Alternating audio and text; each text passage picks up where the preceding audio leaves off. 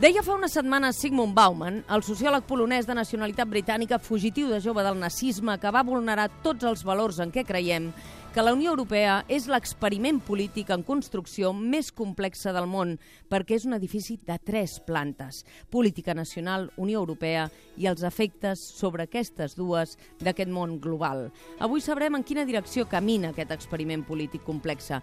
Quants dels 509 milions d'europeus, 400 convocats a les urnes, hi confien i com, sobretot, naturalment, el que ens ocuparà en primer lloc, què han votat els catalans, quants han votat. La participació i els resultats són dades en paral·lel que aquest cop caldrà analitzar amb lupa.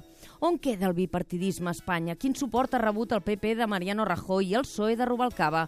Els partits que volen exercir el dret a decidir el 9 de novembre tenen més força que abans?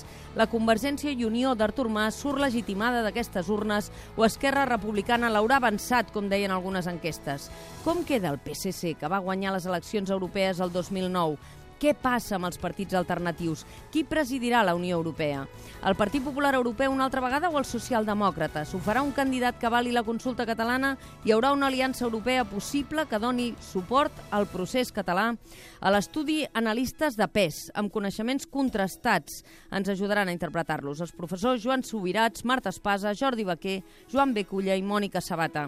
Us prometem emoció, interpretació, informació minut a minut, garballat de xarxes socials la veu en directe de tothom perquè la nit serà llarga i sorprenent també aquí a Catalunya Ràdio i Catalunya Informació. Aquesta serà una nit emocionant i la volem compartir amb vosaltres.